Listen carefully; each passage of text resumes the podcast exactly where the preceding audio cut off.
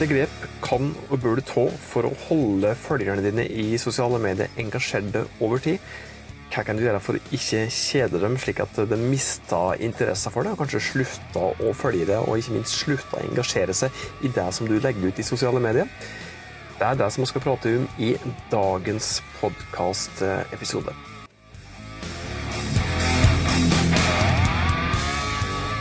Hei, jeg heter Tormod Sperstad. Dette er podkasten for deg som ønsker enkle, men nyttige tips til at du kan ta ulike grep for å få bedrifter, firma som du jobber i, til å få flere kunder, større omsetning, hvordan du kan stå på litt tryggere økonomiske bein.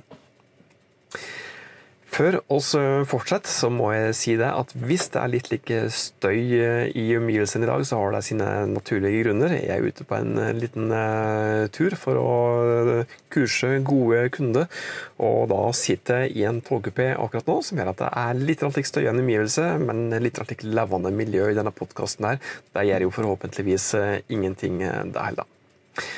Jeg vil òg takke godeste Mats Wendel Skeie for at du har sett meg på rett spor til hva jeg skal prate om i dagens podkastepisode. Fordi at for ei tid tilbake så sendte du meg ei direktemelding på Instagram der du fylte min utfordring og kom med ønske til hva du ville at jeg skal ta opp i denne podkastserien her. Og ditt ønske, Mats, det var at vi skulle prate om nettopp hvordan du kan holde oppe engasjementet blant følgerne våre i sosiale medier over tid. Så tusen takk til deg, Mats Wendel Skeie. Kan også nevne deg at hvis det er andre der ute som har lyst, har tips til ting som vi skal prate om i podkastserien her, vær så snill og send meg en DM på, på Insta. da. Der er tips om dette her, så skal jeg love at jeg gir dere et personlig svar så fort som mulig. Og hvem veit? Kanskje ditt spørsmål, din ønske, ender opp som nettopp ei podkastepisode. Ja, hva skal vi da gjøre da, for å ikke kjede målgruppa vår, de som følger oss i sosiale medier? Hva skal vi gjøre for å holde engasjementet oppe? Og Da må vi først prate litt om hvorfor er engasjement i sosiale medier egentlig viktigst. Og hvis vi prater om sosiale medier, så er det slik at uh, i de aller fleste kanalene der, så er det algoritmer som styrer nyhetsfeeden til meg og det og alle andre. Og uh, algoritmen er strengere i enkeltkanaler enn andre. Uh, Facebook er kanskje absolutt strengest i så måte. Og engasjementet, altså i hvilken grad som målgruppa vår engasjerer seg i det som vi publiserer, det styrer i veldig stor grad om de som følger oss i det hele tatt, skal se det som vi publiserer. Og ikke minst så styrer de i stor grad hvor fort i, i nyhetsfeeden skal vedkommende få opp våre innlegg. Så grovt sett så fungerer algoritmen i mange sosiale medier slik at jo mer engasjement oss får i, i kanalene våre, jo lettere får oss god synlighet, jo lettere når oss ut til flest mulig, jo mer sannsynlig er det at de som allerede følger oss, får det neste som oss publiserer i de ulike kanalene, tidlig opp i, i sin feed. Og så må vi også prate litt om, om hva engasjement egentlig er for noe. Og det kommer jo an på type kanal, men hvis vi da skal prate f.eks. om Facebook, da, som er den mest brukte kanalen blant bedrifter fremdeles, så er det ulike former for engasjement. Hvis du f.eks. har fått opp en, en, video i nyhetsfeeden din og bruker tid på å se på den videoen, så er det én form for engasjement. Hvis du bruker, liker et innlegg som et firma har publisert på Facebook, så er det en form for engasjement. Hvis du kommenterer, hvis du deler, så er det òg andre viktige former for engasjement. Hvis vi prater om Instagram, så er det mye av de samme tingene der som, som teller som engasjement. Kommentarer må vi selvsagt ikke glemme i, i så måte. Men òg mange andre typer ting, som f.eks. det at, at, du bruker tid på å se en Instagram-story fra den som du følger. For eksempel. Så da har vi sett litt på hvorfor engasjement er viktig, og ulike former for engasjement. Bare noen få eksempler på det. Så blir jo da det neste spørsmålet hvordan skal vi logge engasjerende innhold over tid. Og Da har jeg noen tips. og Det første tipset er at du må kjenne målgruppa di. Du må vite hva målgruppa di ønsker å få fra det som, som innhold. da. Og ikke minst så må du ta hensyn til dette her.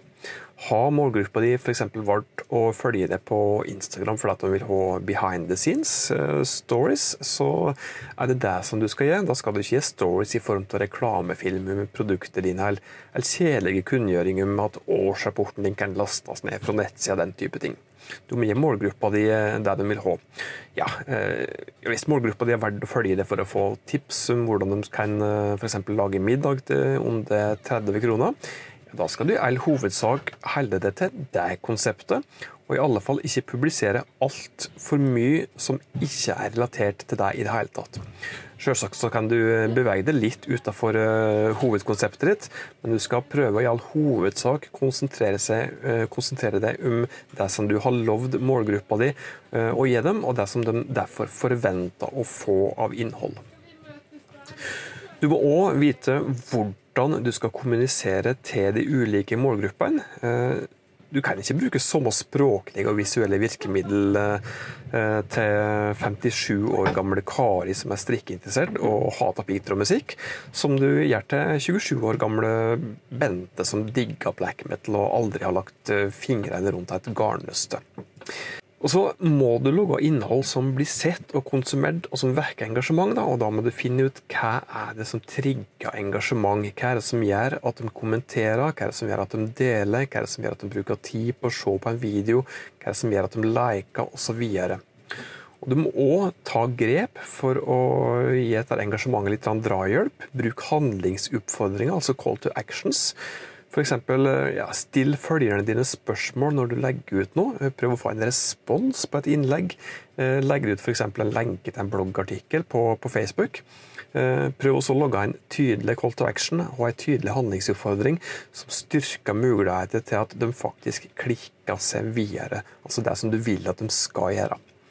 Annet eksempel, f.eks. hvis du har publisert uh, noe på Instagram Stories, uh, bruk ulike engasjementsstickers, som f.eks. meningsmålingsstickers og spørsmålsstickers, og prøv å skape engasjement på den måten. Prøv å hjelpe målgruppa di til å engasjere seg. Og ikke minst, uh, Facebook kanskje spesielt, jobb for å få delinger som kanskje er en av de ypperste formene for engasjement, i alle fall på Facebook. da. Apropos delinger, uh, før jeg glemmer det, her er det òg lurt uh, å prøve å spille på følelser. Det er flere undersøkelser som konkluderer med det, at uh, hvis du vil ha flest mulig delinger, så bør du prøve å vekke en eller annen form for følelse. Det trenger ikke være glede spesifikt. Det kan like så godt være sorg, tristhet, sinne og slik. Men hvis du greier å trigge følelsene hos folk, så er det mange undersøkelser som konkluderer med det at da er det lettere for at folk deler det som du publiserer i sosiale medier. Det er også lurt å prøve å variere innholdet ditt. Eh, hvis du f.eks. legger ut en del stories, eh, ikke legg ut bare video, ikke legg ut bare boomerangs. Bland ulike typer innhold, slik at målgruppa di ikke etter hvert begynner å kjede seg og kanskje velger å avfølge det. Eh, ja, eh, Facebook-feeden, når du legger ut ting der, ikke legg ut bare lenkeinnlegg, ikke legg ut bare videoinnlegg. Selv om ja, video generelt sett er det som fungerer, ja, ser ut til å fungere best på Facebook akkurat nå.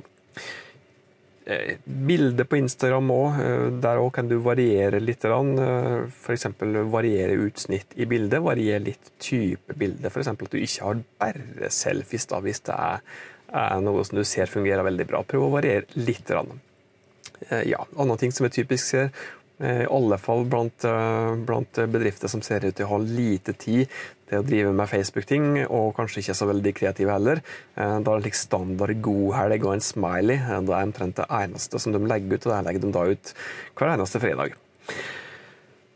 Ja, det var litt um, ulike former for engasjement òg, og hvordan du kan jobbe med å få engasjement. Men hvordan kan du vite hva som funker, og ikke minst hva som fungerer over tid?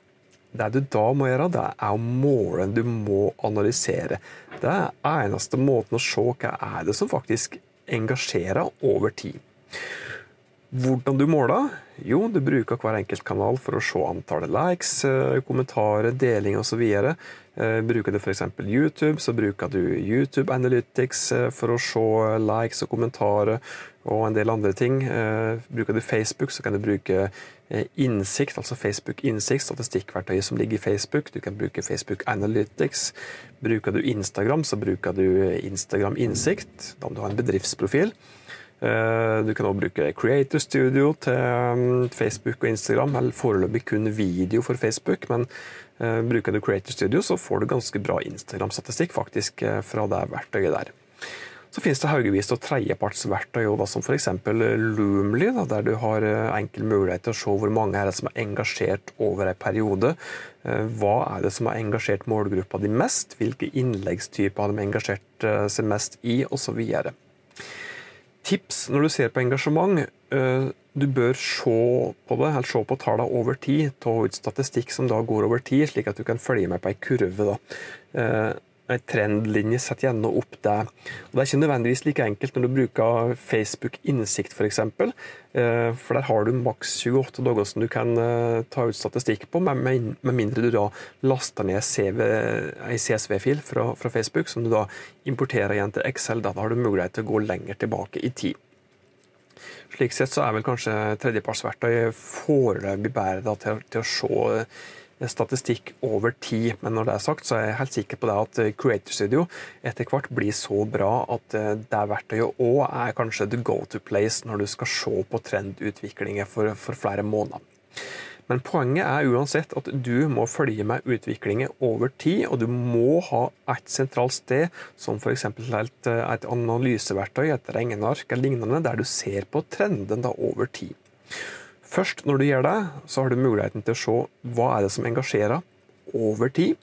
Og Ser du at du da har ei kurve som er nedadgående, da, eh, en trend som er på tur ned, så bør du da gå litt inn i det sjøl. Først kanskje se på om det er noe åpenbart som du har gjort i det som er publisert, når du ser at det har begynt å gå nedover. Eh, se om det er et eller annet som gjorde som kan ha trigga dette lavere engasjementet. Eh, og hvis du ikke ser noe åpenbart der, så er det kanskje på høy tid å prøve å rett og slett endre strategi. Prøve også å justere innholdsstrategien din.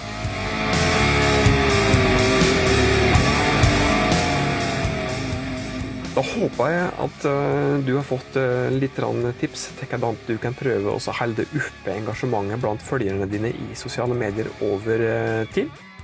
Eh, ekstra takk igjen til det, Mats. Eh, håper spesielt at denne episoden her var nyttig eh, for det.